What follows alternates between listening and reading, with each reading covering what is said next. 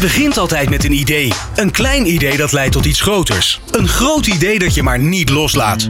En dat gouden idee dat een sector op zijn grondvesten doet schudden. Dit is New Business Radio. Het radiostation dat verslag doet van bijzonder ondernemerschap. Ondernemende mensen, inspirerende gesprekken, innovaties en duurzaamheid.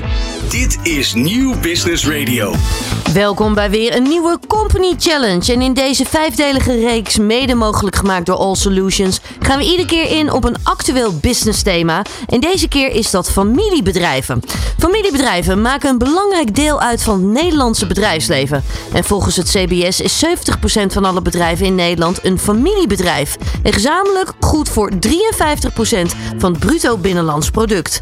Publiek geheim is dat dit type bedrijven de afgelopen jaren voor aanzienlijk meer werkgelegenheid hebben gezorgd dan het landelijk gemiddelde. En in deze aflevering gaan we in op een aantal specifieke karakteristieken van deze ondernemingen. Met welke uitdagingen hebben juist deze familiebedrijven te maken en hoe gaan ze hiermee om? In uh, deze aflevering zijn mijn gasten Jan van Wijngaarden, Managing Director bij All Solutions, en Robert Bolsenbroek, Managing Director bij Interface Groep. Ik ben Martine Howard en dit is de Company Challenge. Van hippe start-up tot ijzersterke multinational. Iedereen praat mee op New Business Radio. Jan en uh, Robert, van harte welkom hier in de studio. Ja, dankjewel Martien. Dankjewel. Fijn uh, dat jullie er zijn. We gaan het hebben over familiebedrijven vandaag. En uh, nou ja, ik zei het zojuist al. Uh, volgens het CBS is 70% van alle bedrijven in Nederland een familiebedrijf. Ze zijn dus knetterbelangrijk. Juist ook voor de Nederlandse economie en voor de werkgelegenheid. maar eerst eventjes. Um, Jan, All Solutions. Waar staan jullie voor? Wat is jullie missie? Uh, ja, we zijn uiteindelijk een bedrijf die online bedrijfssoftware uh, leveren. Mm -hmm. uh, en waar we voor staan is dat we die software ook wel zo in willen zetten dat bedrijven daar ook echt iets aan hebben. Dus we, zoals wij dat vaak zeggen, we gaan een paar spaden dieper en proberen ook echt het maximale eruit te halen. Dat ja. is waar we voor staan. In sommige branches dan. Ja, ja jullie zijn wat dat betreft ook wel echt gedreven hè? Zeker, ja. ja, ja. ja. Um, Robert Bolsebroek, managing director bij Interface Groep. Ik moet het op zijn Nederlands zeggen. Ik wil ook groep zeggen. Um, hoe mag ik het omschrijven? Hoe zou, hoe zou je het zelf omschrijven wat jullie allemaal precies doen? Nou, in alle eerlijkheid is het een hele reis geweest. Dus waar we nu staan is uh, dat we een groep van bedrijven zijn die volgens een hybride model uh, lees mens en, en, mens en techniek met elkaar verbindt om organisaties te helpen versnellen. Ja. Dat is wat we doen. Uh, helder? Ja, ik, ik, ik, ben dan nog wel nieuwsgierig. Hoe moet ik dat voor me zien? Nou, als je dat voor je ziet, uh, laten we gewoon iets praktisch nemen. Uh, we helpen organisaties met het doorlichten van mensen. Uh, om te kijken of ze wel de juiste mensen aannemen. Of ze die op de juiste plek hebben zitten. Hoe ze die kunnen ontwikkelen. Maar daarin zetten we ook technologie in. En dat doen we bewust. omdat de technologie zeg maar ook een stuk objectiveert. Ja. Want wij mensen zijn natuurlijk helemaal niet zo objectief. Nee. Wij vinden altijd van alles. Klopt. En zo nemen we ook mensen aan. En uh, nou, dat proberen wij dan zeg maar uit, uh, uit die structuur uh, te elimineren. En dat is één van de bedrijven. Dus we bestaan uit een groep van negen bedrijven. En nou, ik mag inmiddels zeggen dat ik investeerder ben in de groep. Maar eerlijk gezegd zit mijn hart ook nog heel erg in het ontwikkelen van mensen en organisatie. Mooi. En daar gaan we natuurlijk ook verder over praten. Juist ook tijdens deze uitzending. Um, familiebedrijven. Waarom is dit een belangrijk onderwerp, Jan? Nou, persoonlijk uh, ken ik veel familiebedrijven en ik kom ze ook regelmatig tegen, business-wise. Uh, en ik vind het gewoon interessante bedrijven. En uh, toen de uitnodiging was, kunnen we het hier eens over hebben. Gezegd, oh, dat vind ik heel erg leuk. Want mm -hmm. ik zie daar dingen in. Eerlijk gezegd, wij zijn geen familiebedrijf, maar ik herken in onze eigen organisatie ook wel kenmerken van een familie, zeg maar. Ja. Um, en toen ik me meer ging verdiepen, toen uh, schrok ik eigenlijk van hoeveel familiebedrijven er zijn in Nederland. Er zijn 280.000 familiebedrijven in Nederland. Uh, waarvan er dan wel, uh, ik doe het even uit mijn hoofd, ongeveer 87% microbedrijven zijn. Hè, dus tot 10 medewerkers. Mm -hmm. Maar er zijn er dus 5000 die groter zijn dan dat. En inderdaad een significante bijdrage leveren aan de economie en aan de werkgelegenheid. dus dat is wat ik achteraf dan, toen ik ging verdiepen, zag. Maar ik denk van zo.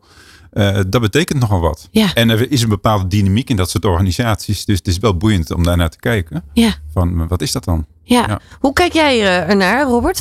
Waarom zijn familiebedrijven belangrijk in Nederland? Nou, ik moet je zeggen, als ik uh, in mijn geschiedenis kijk. Um, en ik kijk bijvoorbeeld naar mijn moeder. Die had een, haar ouders hadden een familiebedrijf. Dat was toen kruideniersachtig, hè, om het zo maar te zeggen. Mhm. En langs mijn vaders kant eh, ook. En eh, dat was een grondweg- en waterbouwbedrijf. Met eh, zeven broers. Dus mijn opa samen met zes broers leidde ook dat familiebedrijf. En, eh, dus ik heb van huis uit behoorlijk wat dynamieken gezien, gehoord.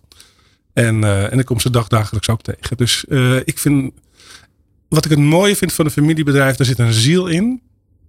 En die ziel die wordt doorgegeven. Dus dat gaat vaak van generatie op generatie. En dat, dat, dat voel je.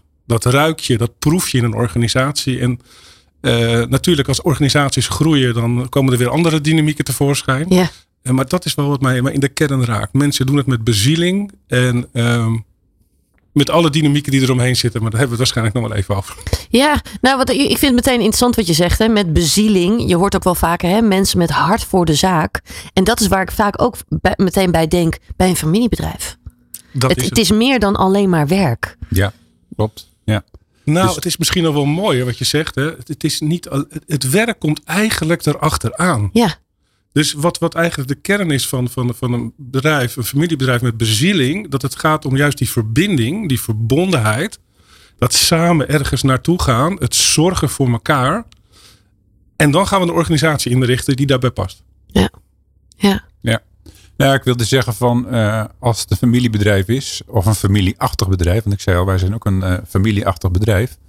Dan kan het in de besluitvorming betekenen, we zijn gewoon een commercieel bedrijf, eh, de familiebedrijven zijn commerciële bedrijven, dat je soms keuzes maakt die een puur zeg maar commercieel bedrijf niet zou nemen, want businesswijs is het misschien niet de meest scherpe keuze. Dat je zegt, ja, maar dit is goed voor de mensen. Dus daar komt dat van papa of mama zorgt voor de kinderen. De- allebei de aspecten spelen een rol, maar dat, dat is die ziel, denk ik. Ja, Eh, die gaat dan toch een rol spelen. En Ja. ik vind dat persoonlijk wel mooi. eh, ja, omdat dat bij me past. En omdat ik ook zie dat het vaak werkt. Maar het werkt op lange termijn. Op korte termijn is het misschien geen slimme keuze. Maar je voelt gewoon van ja, maar dit is gewoon goed voor ons. Als wij langer willen bestaan. En by the way, familiebedrijven aantoonbaar bestaan ook veel langer. Hè? Dus die denken op de langere termijn. Groeien minder snel. Maar het is wel eh, ja, lange termijn en duurzaam dus. ja. Ja. Ik, ik vind het wel interessant wat je zegt. Hè? Want je zegt, ja, All Solutions, wij zijn geen familiebedrijf. Maar zo voelt het wel. Ja. Waar zit dat dan in? Ja, dat is een goede vraag en ik kan het niet benoemen. Ik ben nu bijna jaar managing director. Het bedrijf bestaat 35 jaar. Dus ik heb natuurlijk niet heel de historie meegemaakt. Uiteraard eh, heb ik me daar wel in verdiept. En eh, als je me nou vraagt van wat maakt nou dat het een familiebedrijf is? Ik heb geen idee, maar ik zie het wel. Eh, dat er eh, een hechte samenwerking is. Mensen werken er lang. Hebben, hebben veel over voor het bedrijf. En het is vice versa. En het is blijkbaar erft het ook over. Want de oprichter is al 15 jaar uit beeld. Die heeft het bedrijf 15 jaar geleden verkocht. Eh, en mensen die dat overgenomen hebben, en ik ben er nu ook weer een van, die zijn een soort van hetzelfde. En dat is ook wel een onderdeel van het gesprek. Hè. Ik was natuurlijk vier, vijf jaar geleden ook in gesprek. Nou, bij wat voor soort bedrijf kom ik dan? Dat wist ik echt wel. Ja. Eh, en ik ben zelf ook wel een persoon ernaar om toen ik eenmaal binnen was, daar me meer in te gaan verdiepen. Om te begrijpen wat voor familie is het. Ik ben dan de stiefvader. eh, maar dat voelt wel als een soort van legacy. eh, waar je van zegt, daar wil ik ook weer voor gaan zorgen. Met misschien weer een nieuwe twist. Maar dat krijg je er niet zomaar uit. Dat is cultuur. Ja. Ja. Hoe, hoe is dat bij Interface? Mooie vraag. Ehm, ik denk dat het bij ons, het is geen familiebedrijf in de zin van dat het van vader op zoon is overgegaan. Waarbij ik wel zeg, het is wel een familieachtige cultuur. Dus we zorgen wel goed voor elkaar. En ehm, ik denk dat er ook gewoon meer tolerantie naar elkaar is, meer zorgzaamheid naar elkaar is. Ook wat Jan net ook beschrijft. Dus er zit wel iets familiairs in dat stuk. Ja. En ik denk dat als ik naar mezelf kijk, dat ik dat toch ergens meeneem. Ehm, en uit probeer te dragen. Ja, ja. Ja.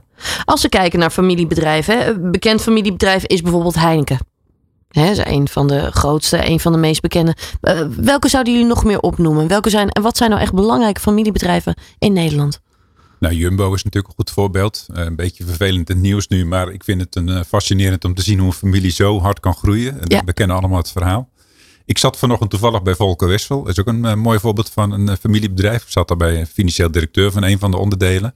En ik heb een uur met de man gesproken, we kenden elkaar nog niet. En in dat gesprek komt gelijk het familiebedrijf impliciet aan bod. Ik zei, nou dat is toevallig, want vanmiddag uh, ga ik het erover hebben. Maar dan zie je dat in alle bedrijfsvoering dat echt een onderdeel is. Het is niet, niet toevallig dat het aan bod komt. Ja, wat zie je dan? Wat, wat komt dan zo duidelijk aan bod? Waardoor zie je dat het een familiebedrijf is? Uh, een stukje betrokkenheid, uh, die ziel van de, van de familie van de familie Wessel, zeg maar. Dus het is een bedrijf uit het oosten. -huh. maar hij, hij noemde het omdat er bepaalde beleidsmatige keuzes gemaakt werden, waarbij de familie nog zorgt voor dat hele grote bedrijf. Het is een enorm bedrijf. Uh, en hij vond het ook mooi. Dus blijkbaar is hij ook iemand die daarin gestapt is. Hij werkte daar inmiddels al jaren. En hij vindt het een belangrijk aspect. En vond het dus ook belangrijk om te benoemen. In die kennismaking die we hadden. Die ging natuurlijk over automatisering, digitalisering enzovoort. Maar voor je het weet zit je dus op het onderwerp. Uh, dat wij zijn een familiebedrijf. Wij zorgen voor mensen enzovoort. En dat zou bij een ander bedrijf minder snel gebeuren. Hm. Dat is opvallend. Ja, ja. mooi. Is ja. dit iets ook wat jij heel erg herkent, Robert? Ja, ik herken het. Uh, hoewel ik het wel bijzonder vind als je kijkt naar uh, bedrijven die klein zijn. Dat het dan nog heel hecht is en heel verbonden is. En dat, dat uh, ja, hoe zal ik zeggen, dat, dat, bijna de, de normen en waarden uit een familiesysteem in het bedrijf zitten. en wat ik ook zie als bedrijven groeien, dat zeg maar er toch andere besluiten genomen gaan worden. En dus er komen of mensen van buiten in dat familiesysteem binnen. Nou, dan ontstaan er nieuwe dynamieken, zullen we maar zeggen. Ja. Um, anderzijds zie je ook wel dat het dan wat geprofessionaliseerd wordt.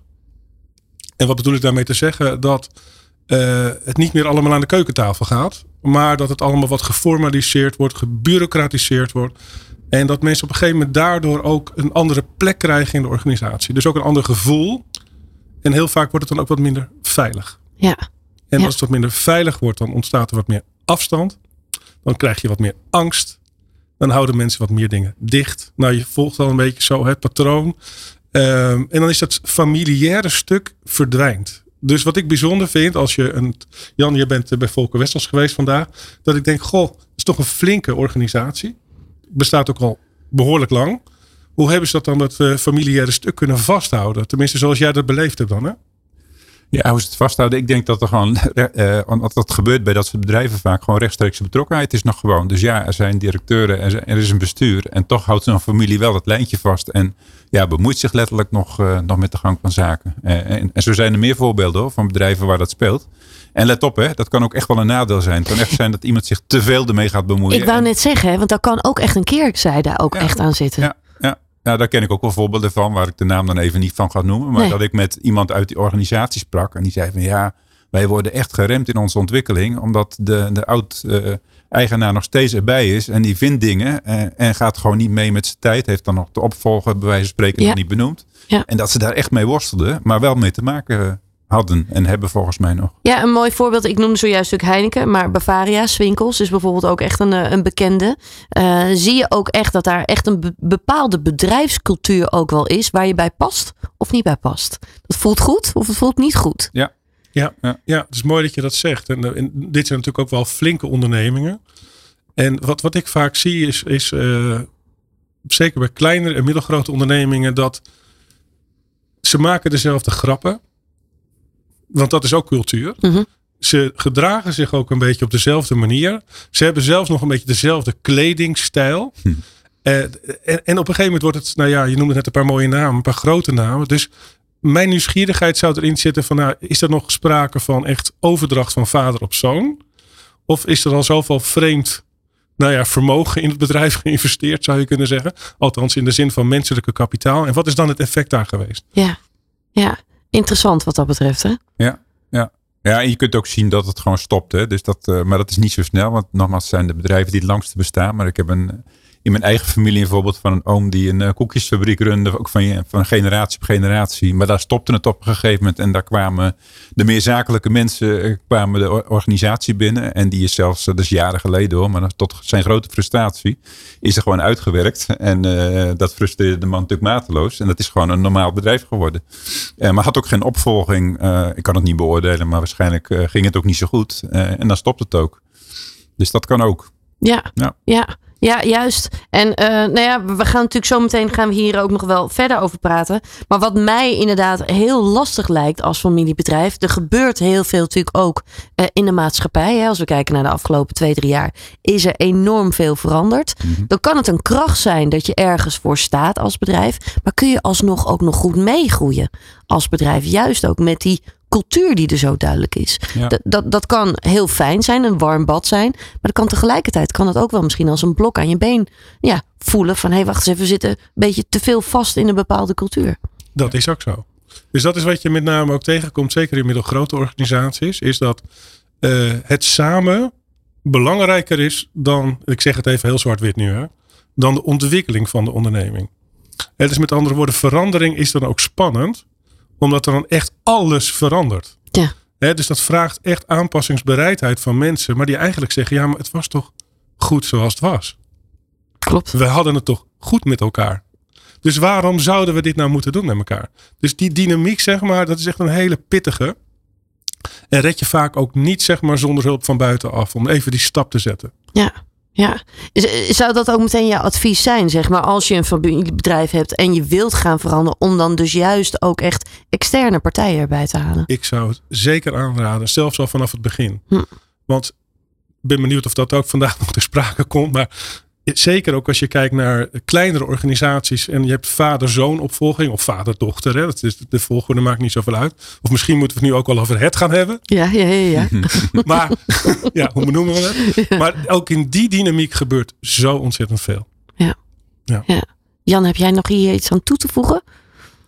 Nou, nee, ja, eh, eens. Dus, en nou, nou, laat ik zo misschien nog aan toevoegen dat, eh, dat mee kunnen gaan in de tijd. Dat staat of valt natuurlijk ook wel of de volgende generatie instroomt. Want het is gewoon toch een generatieding. Dat, eh, dat zie ik bij. Ik heb twee dochters van begin, twintig.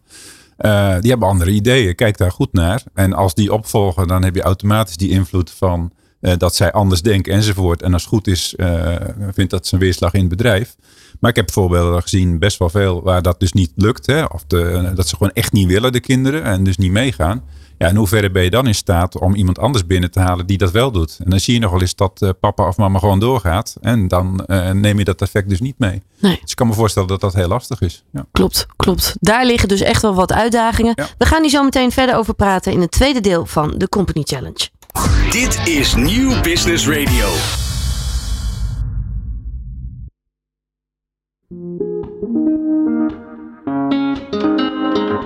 You and I are everywhere. I wish I could be there. Every corner of my mind is filled with memories of times that felt like new beginnings. Side by side, no space between us was all we ever needed in this life. You and I are more than just a memory. Yeah. You and I, I carry with me all my life. You and I are more than just a memory. Yeah. You and I, I carry with me. You and I.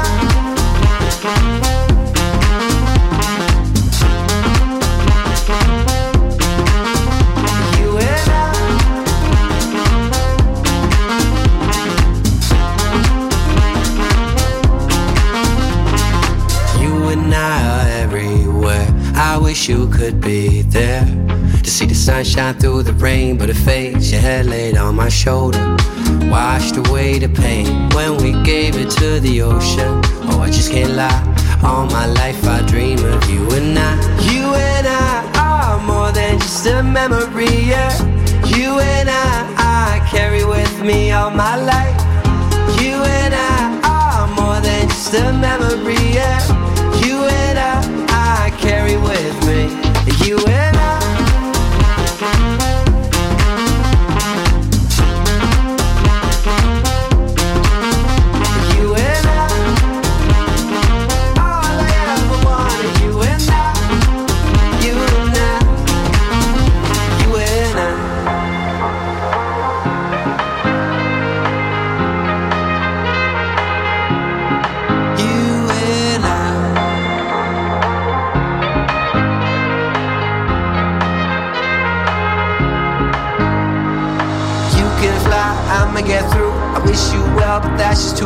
Can hear me howling at the full moon. You know how to get to me like voodoo. Who knew? Evergreen grow old, I do think about the place that you hold in my heart. And all I ever needed, you and I, are more than just a memory. Yeah. You and I, I carry with me all my life.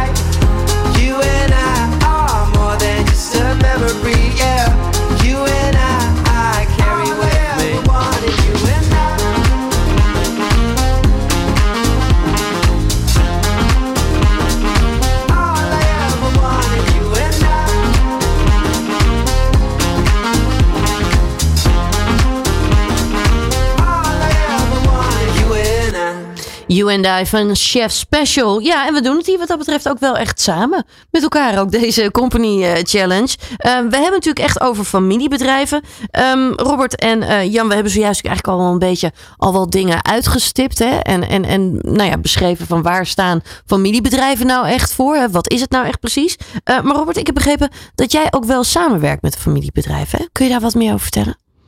Ja, ehm, ja, hoe ontstaat nou zoiets? Het, het gaat er altijd in de, in de kern over, is er, eh, is er een vertrouwensband?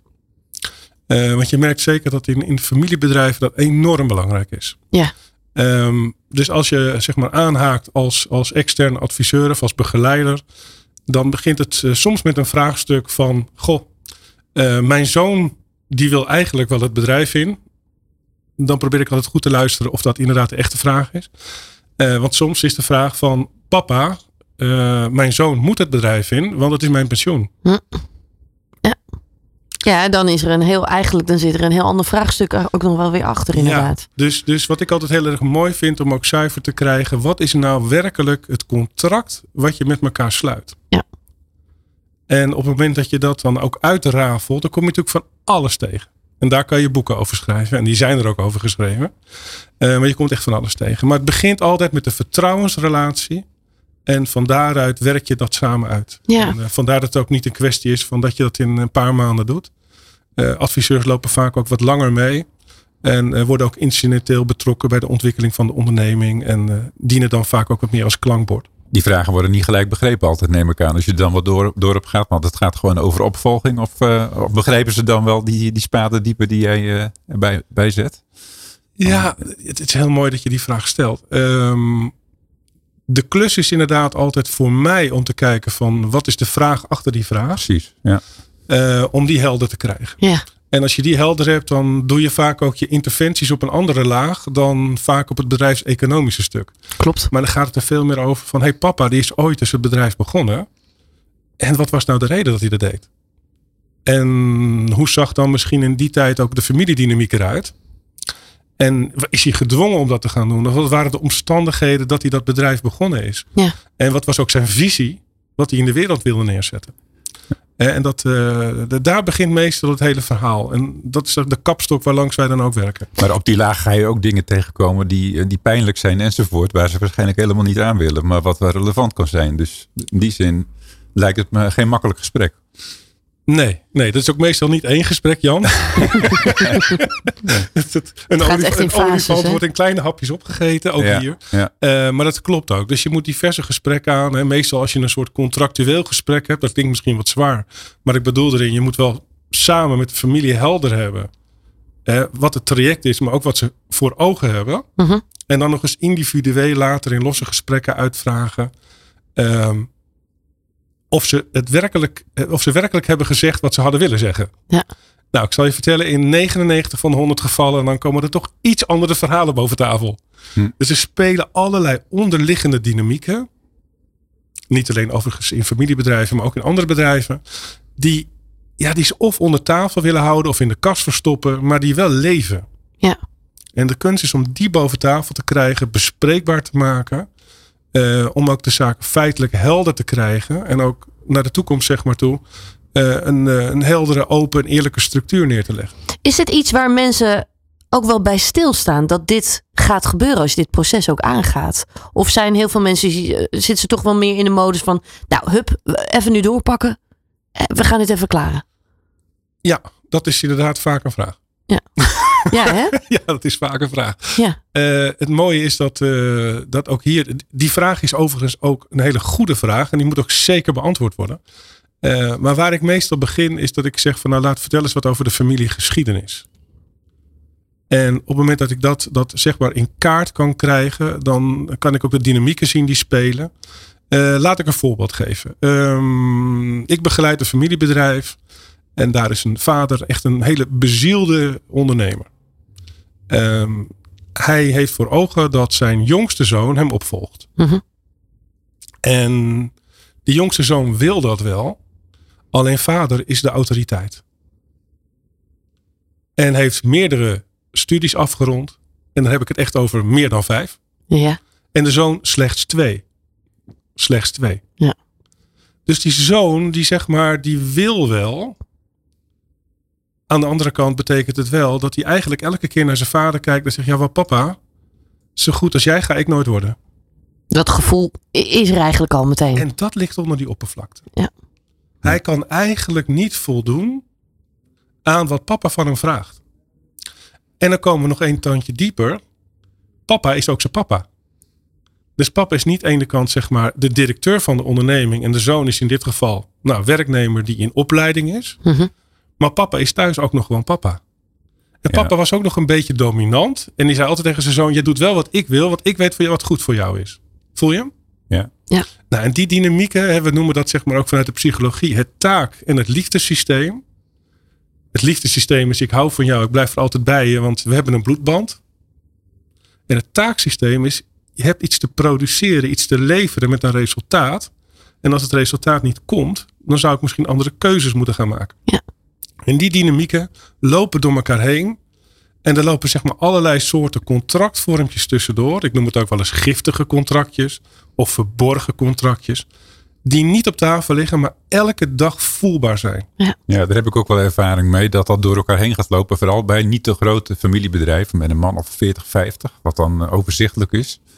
En dat je dan, vooral als er emotie bij komt kijken, het wordt lastig, dat het dan opeens niet meer is van eh, iemand in zijn functie van directeur of wat ook. Hé hey, pa, is dan opeens in het gesprek. Dan wordt er letterlijk pa gezegd. Waar je ze zeggen, ja, dat is in bedrijfsmatig volstrekt niet relevant. Nee. Maar dan is, nou pa, nou moet je even je mond houden. Dat, dat werd letterlijk gezegd. Ja, dan gaat het door elkaar heen lopen. Maar dat kan ook niet anders. Je bent natuurlijk, eh, ook in een normaal bedrijf overigens, ben je gewoon mens. Ook al denken we van niet, eh, maar we zijn allemaal mensen. Daar zouden we best wat meer aandacht aan kunnen besteden. Maar daar komt het automatisch naar boven. Want je vader zit daar. Ja, Ja. klopt. Dus hij acteert vanuit zijn vaderrol, terwijl hij eigenlijk directeur is. Ja, Ja, En het, zeg maar, de zoon acteert vanuit zijn plek als zoon, terwijl hij eigenlijk medewerker is. Nou, daar zitten eh, de- de- vaak dynamische verstrikkingen, kom je daar tegen. En die, die, die heb je wel op tafel te leggen. Van hoe gaan we dit nou met elkaar doen? Is, is, is men zich ook bewust dat dit speelt? ja. En net Jan, jij maakt een mooi het lijntje ook naar de communicatie. En dat is wat je vaak ook ziet. Bepaalde dingen bespreken wij gewoon niet zakelijk, omdat we dat privé ook niet konden. Ja. Dus weet je, dan laten we dat gewoon liggen. En totdat het vat vol is. En dan explodeert het in een vorm die zo groot is. Dat het bijna niet meer zakelijk te noemen is. Want er speelt er dus een privé-dynamiek. Dat is het. Dus de dynamiek die privé speelt, gaat dan dus ook parten spelen, juist ook op zakelijk niveau. Helemaal. Ja. Helemaal. Dus dat is de kern, vind ik. Als je naar een puur, een zuiver familiebedrijf kijkt. Dit zijn de dynamieken die, die, die op tafel mogen komen. Ja, En overigens zonder oordeel. Ja, want dat is denk ik ook heel mooi. Het gaat eigenlijk over liefde die in een zakelijke context naar voren is gebracht. ja. dat zeg je heel mooi. Dat is alleen wel makkelijker gezegd dan gedaan, lijkt mij. Juist ook als er al heel veel privévlak speelt, Ja. Juist. krijgt dat dan maar gewoon ook nog wel weer gewoon goed in balans. Ja, ja. Ja. ja. En ja. dat je ook veilig voelt om dingen aan te kaarten. dat is het. Ja. Dat, jij zegt het heel mooi. Maar ja, ik zeg wel eens van, om, in de metafoor van ja, als je zondag nog gezellig bij elkaar op de koffie wil, dan wil je ook niet dat het al te lastig wordt. Maar dat kan er dus toe leiden dat sommige dingen die aangepakt moeten worden, toch maar een beetje met de mantel der liefde worden eh, afgedekt. Eh, wat eigenlijk be- bedrijfsmatig niet goed is. Maar ja, dat speelt dus wel. Van ja, we moeten als familie ook nog door. Of misschien zitten we vanavond wel weer bij elkaar. Best wel een ingewikkelde klus. Ja, En ja. daar leidt die, dat leidt ook tot die gebrekkige communicatie. Eh, en dat wordt ook eh, expliciet genoemd hè, uit onderzoek. Er wordt veel onderzoek naar gedaan. Dat eh, het gebrekkige communiceren een punt is. Moeilijkheden in de, in de bedrijfsopvolging. En ruzie over de te volgen koers. Dat speelt daar ook heel erg in. Want het gaat dan natuurlijk over die lange termijn. Ja, maar we moeten zo, we hebben het altijd al zo gedaan. Of uh, we moeten nog lang door. Eh, terwijl misschien bedrijfsmatig. Terwijl uh, belangrijk is om een andere koers te gaan volgen. Dat zie je vaak bij de volgende generatie. Ja. Van de Valken is er ook een mooi voorbeeld van. Hè? Heb ik me ook wel ja. laten vertellen dat de oude van de Valken. Die je moet eren omdat ze er een echt merk van gemaakt hebben. Maar ik denk als de volgende generatie niet had doorgepakt, dan had je niet al die mooie moderne van de Valkrestaurants gezien, die nu zeer succesvol langs de snelweg met name uh, acteren. Dat is het. En daar, daar zal ook, en daar zijn ze natuurlijk niet de enige in, daar zal behoorlijk ook wat frictie en wat wrijving zijn geweest Zeker. om die verandering ook weer door te zetten. Ja. Die wel nodig was. Hè, achteraf gezien, supergoeie zet. Uh, maar, maar die stappen zetten, oeh, dat, dat kost wel eventjes wat tijd en energie voor alle partijen. Ja. Um, Robert, nu kom je in zo'n situatie terecht. Hè? Dit is een mooi voorbeeld van een vader en een zoon. Je ziet die situatie, wat er speelt. Hè? Welke verborgen, nou ja, eigenlijk verhoudingen er ook allemaal zijn, hè, zeg maar. Ja. Um, en dan? Hoe ga je dan verder? Dat is in ieder geval stap 1, dat je dat boven tafel hebt. Uh, stap 2 is dat, dat uh, zeker als je het over bedrijfsopvolging hebt van uh, zoon, vader of dochter, vader, in die volgorde. En je hebt helder wat de dynamieken waren, zeg maar, uit het gezin van herkomst. Dan nog wel, zeg maar, de geschiedenis daarvoor. dus onderschat niet als mensen bijvoorbeeld in hun familie een oorlogsverleden hebben. Dat er een dynamiek speelt die heel anders is dan dat je dat niet hebt. Ja. Dus mensen hebben soms in de oorlog mensen verloren. En dan zie je bijvoorbeeld dat, dat iemand gaat rechten studeren. Nou, je voelt hem al aan, hè? dat je denkt, goh, wat, wat moet er dan recht gezet worden? Dus dat is een beetje dan ook de missie, de visie is van het moet eerlijker in deze samenleving. Ja. En als dat vroeger is opgezet, dan speelt die dynamiek gewoon generaties door. Dus belangrijk dat dan de zoon of de dochter die opvolgt, diezelfde dynamiek ook uitdraagt. Als het goed is, hebben ze dat in het gezin van herkomst wel geleerd hoor. Dat is wel duidelijk gemaakt. Ja. Maar dan is het nog de vraag of je zegt van hé, hey, ik doe het zoals papa of mama het wilde, of doe ik het nou op mijn eigen manier. Dus de kunst voor een kind is die een bedrijf opvolgt, is ook om te toetsen van is dit al wat ik wil? Of ben ik nu loyaal aan mijn geschiedenis, aan het familiesysteem of aan mijn ouders? Ja. Ja, of Ja. Kan, ik er, kan ik deels loyaal blijven, maar ook mijn eigen twist eraan gaan geven? Juist. Dus de eerste vraag is van wil de persoon in kwestie dit wel echt zelf? Of doet hij dat puur alleen maar omdat het een soort verborgen contract is in de familie? Zo doen wij dit. Ja. Dus het is gewoon logisch dat jij mij opvolgt. Ja. Nou, je kunt je voorstellen dat er heel wat mensen zijn die inderdaad in die opvolging stappen. Maar gaandeweg toch denken, ja, dit is gewoon mijn ding niet. Nee. Dit is niet wie ik ben. Nee. Nou, dat betekent dat ze op een gegeven moment wel naar papa of mama toe moeten. En moeten zeggen, ja, luister, ik hou van jullie. Alleen mijn pad is anders. Ja. Nou, je voelt al wat er dan gebeurt. En dan is, is de kunst, ja, hoe wordt daarmee omgesprongen? Hè? eh, zakelijk aan de ene kant, maar ook familiair aan de andere kant. En ik heb echt situaties meegemaakt dat er dan werd gezegd, dan ben jij mijn zoon niet meer. Zo heftig kan, eh, kan het dan echt ook Zo oplopen. hè? heftig kan het gaan. Ja. Dus die loyaliteit, die, die trouw aan het systeem, als dat niet zeg maar ja, wordt gevolgd, dan kan het effect gewoon zijn echt familiebreuken. Ja. Ja. Even een simpel voorbeeld. Hè? Dus dat is het tweede wat je eigenlijk heel goed moet onderzoeken. Eh, ja, of, of er werkelijk wel iets van een zuiver contract kan zijn om ook echt het bedrijf in te stappen. Ja, en dan kom je naar de derde fase. Hoe gaan we dat nou doen samen? Ja, nou en daar gaan we ook hier in het derde deel van de Company Challenge ook verder over praten. Hoe zorg je nou voor een goede opvolging en hoe pak je dat nou ook echt slim aan? Luister mee. Van hippe start-up tot ijzersterke multinational. Iedereen praat mee. Dit is New Business Radio.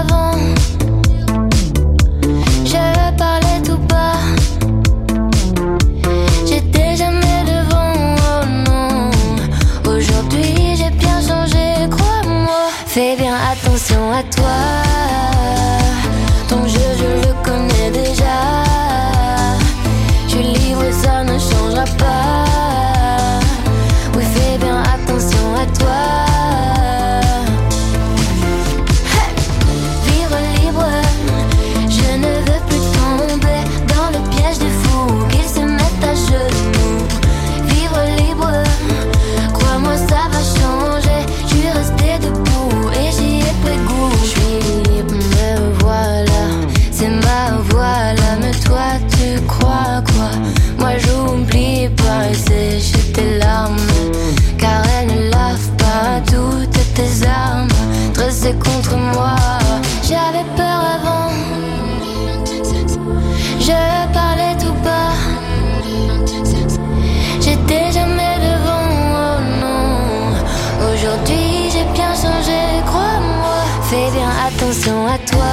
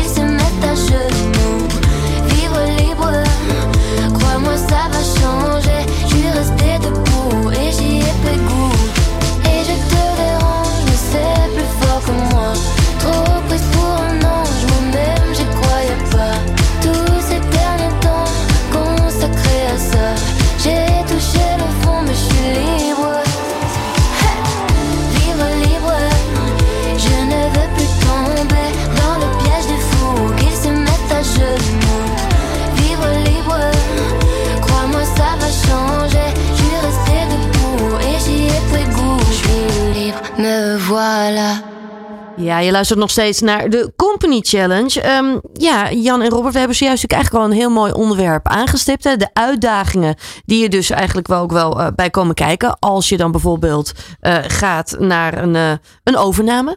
Bijvoorbeeld die zoon die eh, de zaak over gaat nemen. Of een dochter. Dat kun- kunnen natuurlijk ook wel meerdere zijn. Ehm, het kan natuurlijk ook bijvoorbeeld een nicht zijn. Het hoeft natuurlijk niet altijd een, een neef of een, een zoon of een dochter te zijn. Maar het kan ook een neef zijn of al dat soort dingen. Ehm, maar als we eens even gaan kijken. Juist als een wisseling van macht er plaats gaat vinden.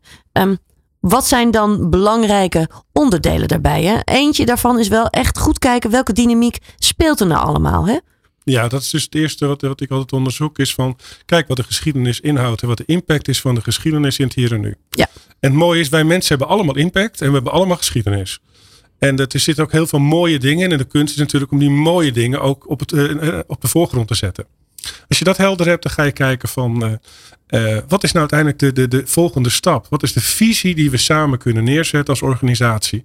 En het, ja, het is eigenlijk dan ook wat professionaliseren. Ja. Hè, dus met andere woorden, je zet je visie neer, je zet je ambitie neer.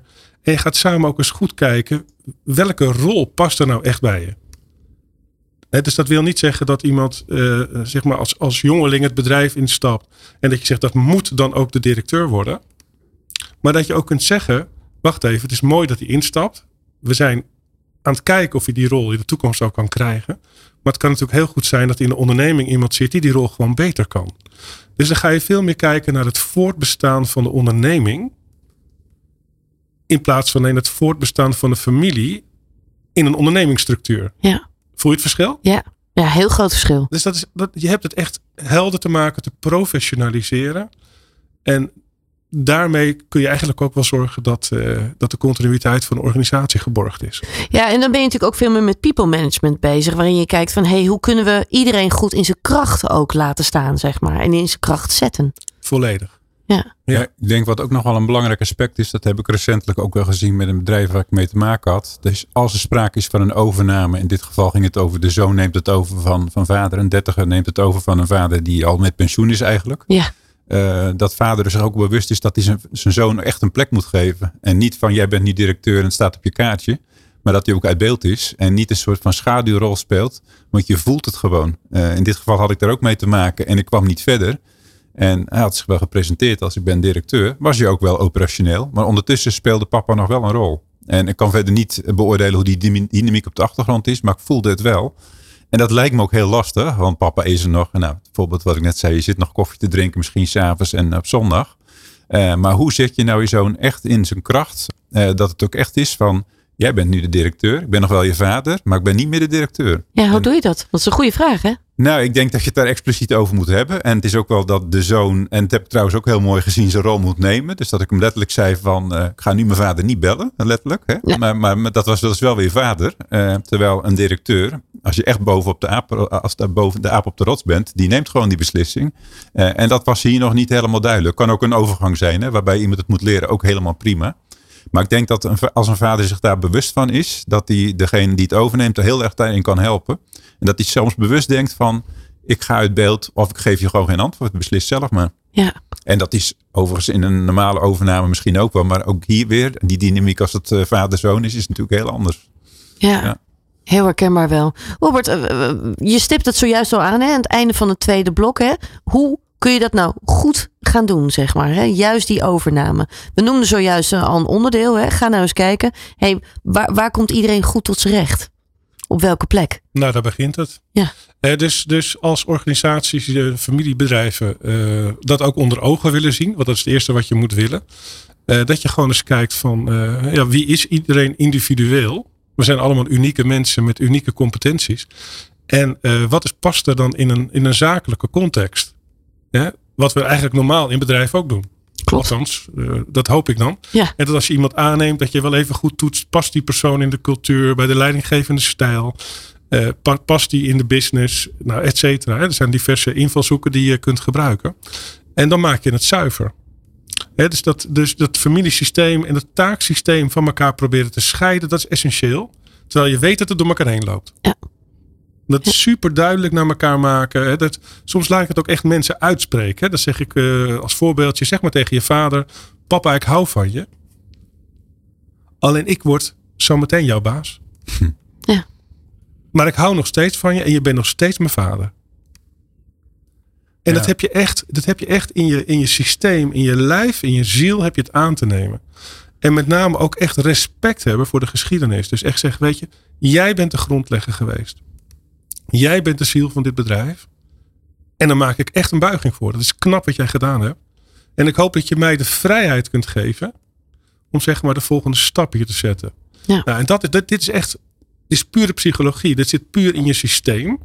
En daarna is het het uitwerken, en dat is eigenlijk veel makkelijker, van hoe ontwikkelt iemand zich nou door in die rol? En hoe neemt papa langzaam afscheid, of misschien in één keer, maar meestal langzaam.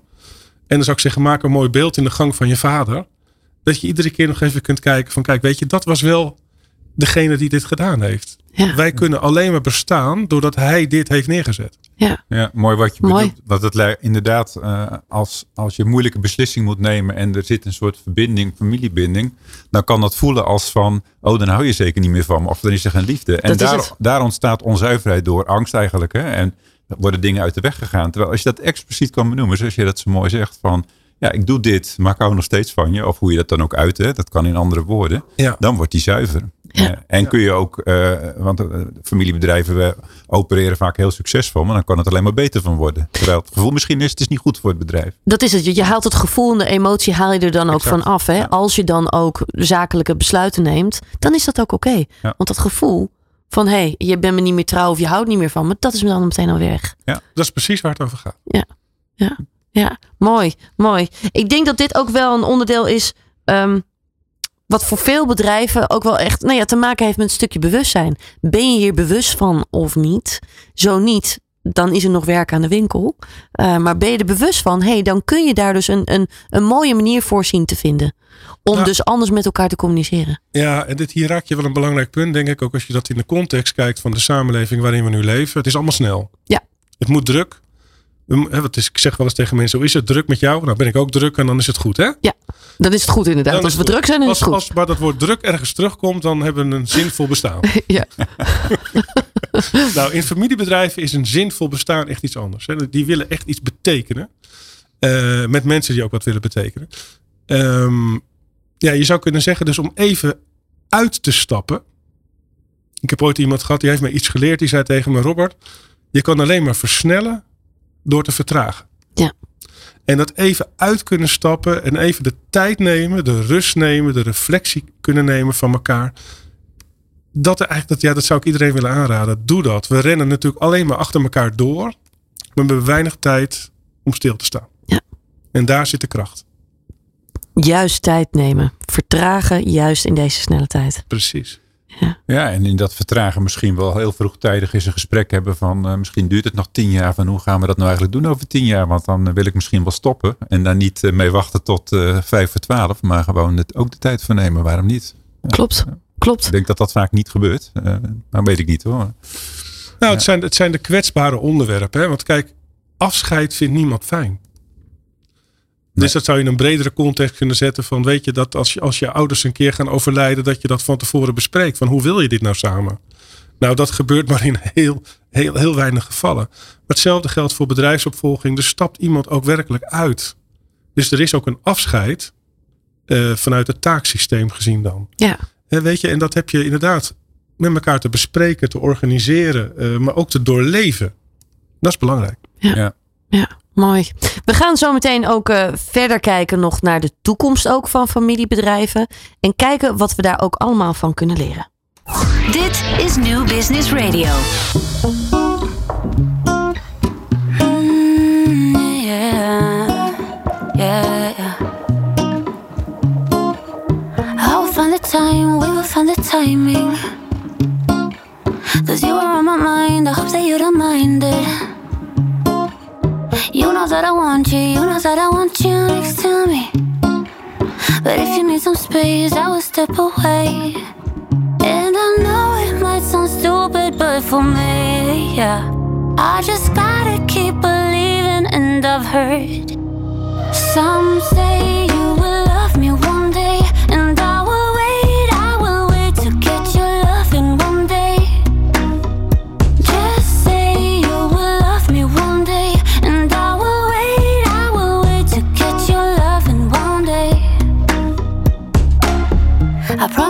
try, that I will try to meet someone. And there's so many guys who told me I deserve someone. I wanna call you up, but maybe it will only make it worse. I guess that I just don't know what to do with myself. Cause I know it might sound stupid, but for me, yeah. I just gotta keep believing, and I've heard some say you will love me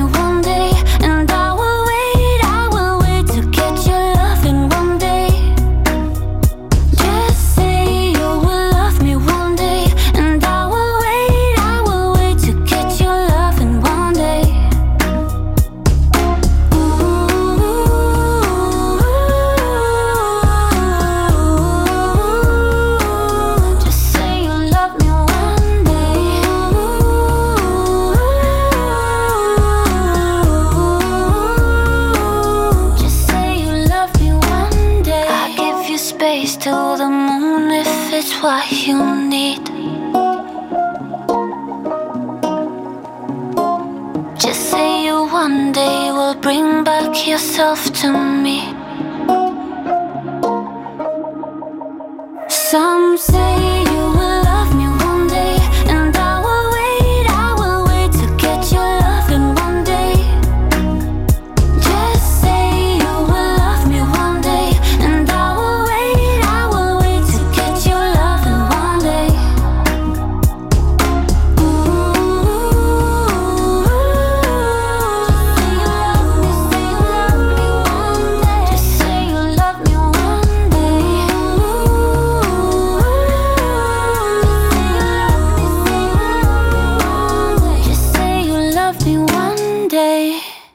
luistert nog steeds naar de Company Challenge. Inmiddels zijn we al eh, toegekomen aan het eh, laatste onderdeel. En we zitten hier met eh, Jan van Wijngaarden van All Solutions. En eh, Robert Bolsenbroek van eh, Interface Groep. Ehm, ja, heren, we hebben zojuist eigenlijk al heel veel eh, besproken.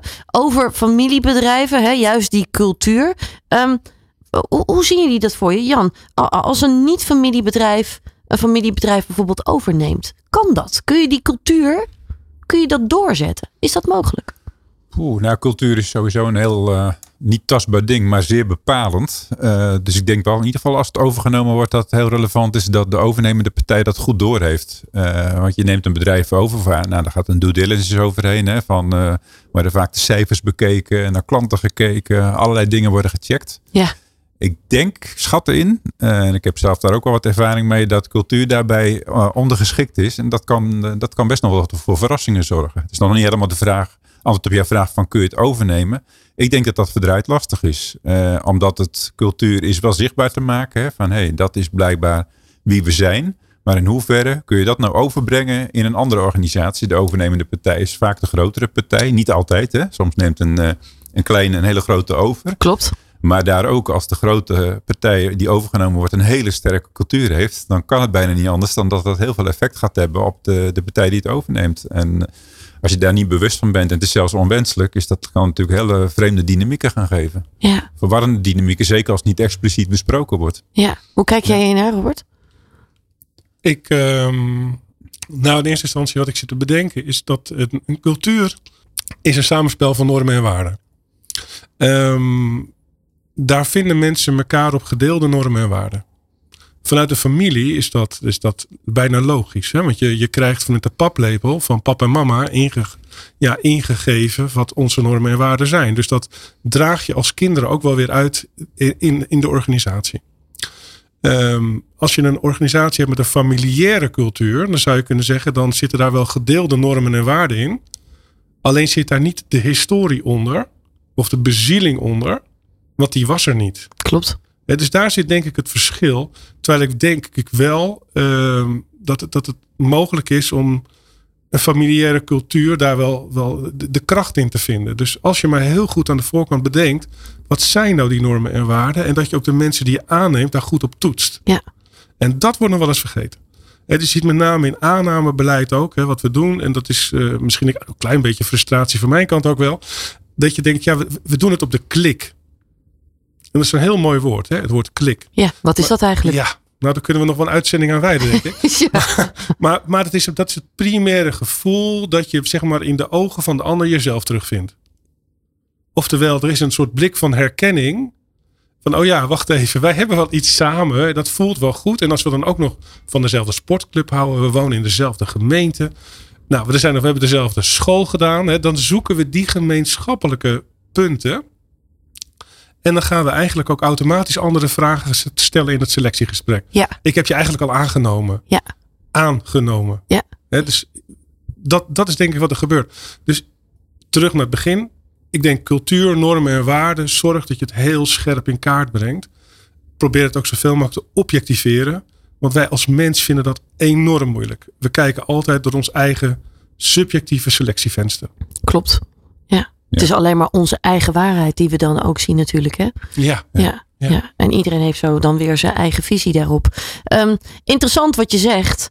Ehm, eh, want inderdaad, ik, ik denk dat het heel vaak zo gaat tijdens een sollicitatiegesprek. Oh, wat hebben wij een leuk klik. Oh, wat was dit een leuk gesprek. Oh, eh, oh nou inderdaad, we hebben nog dezelfde hobby's ook. Nou, dit, dit komt helemaal goed. Juist. Maar dan heb je het niet eens over die normen en waarden gehad. Van, maar waar staan wij nou eigenlijk echt voor? En past dat ook bij jou? Nou, dus, dus zeg maar cultuur en normen en waarden komen vaak in een gesprek. Al doe je twee of drie gesprekken niet naar voren. Nee. Hè, dus we kennen het natuurlijk de, de bekende ijsberg. Dus die 30% die erboven liggen, die kunnen we wel zien. Wat heeft iemand gedaan? Wat is iemands eerste indruk? Heeft iemand kennis? Eh, wat voor niveau? Nou, et cetera. Dan kunnen we nog wel, daar kunnen we nog wel mee uit de voeten. Maar iemand neemt zijn hele hebben en houden, zijn hele geschiedenis mee het bedrijf in. Ja. En dat zien we niet. Klopt. Maar het is er wel. Ja. En dat zien we dan meestal na verloop van tijd. Dat we zeggen, hé, wat apart. Ik dacht toch dat.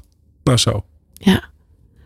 Ik zat me af te vragen of eh, mensen die solliciteren bij bedrijven zich eh, realiseren dat ze binnenkomen bij een familiebedrijf.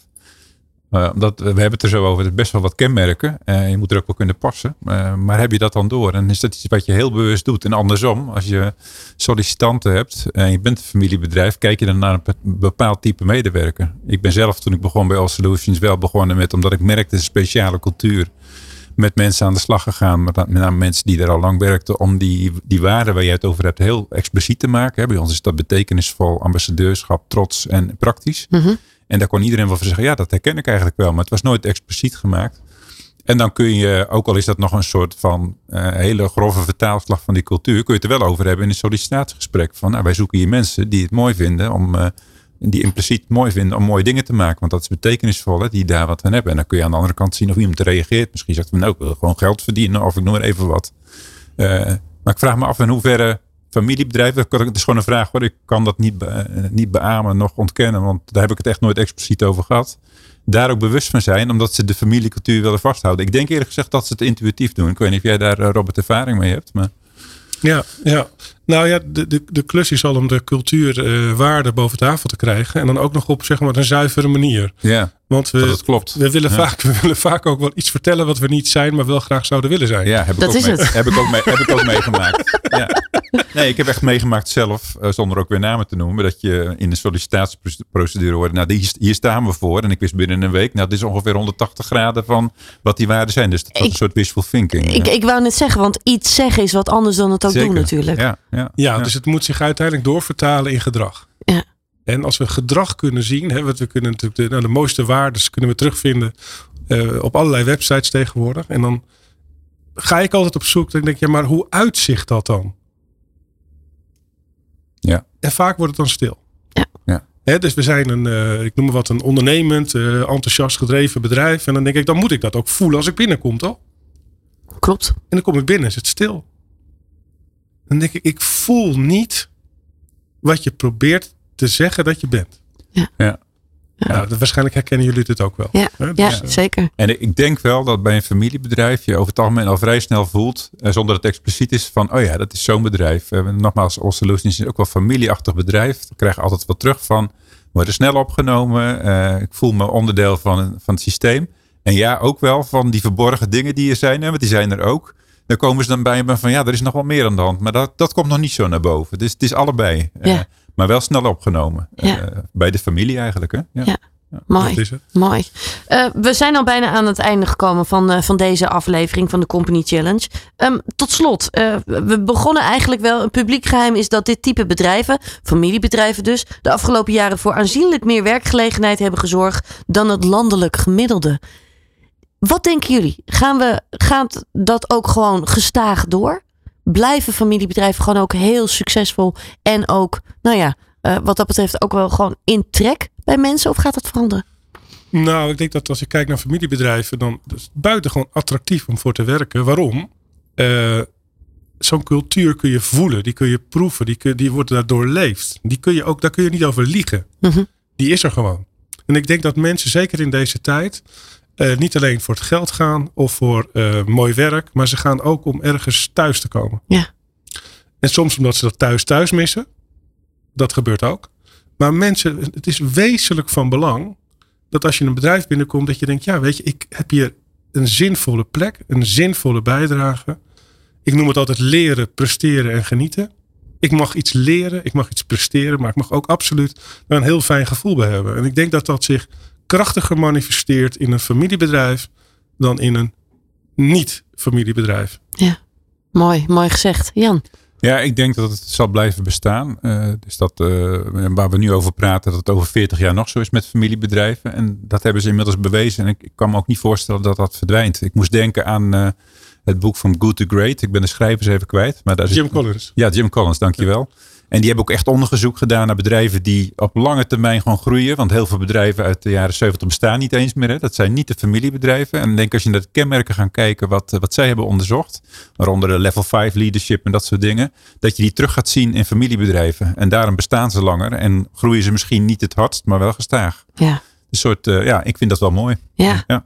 Mooi, mooi. Familiebedrijven zullen gewoon blijven bestaan, ook in de toekomst. Heren, ik wil jullie enorm bedanken voor het delen van jullie visie. Ja, jij bedankt. Dank Dankjewel. jullie wel. Van hippe start-up tot ijzersterke multinational. Iedereen praat mee. Dit is New Business Radio.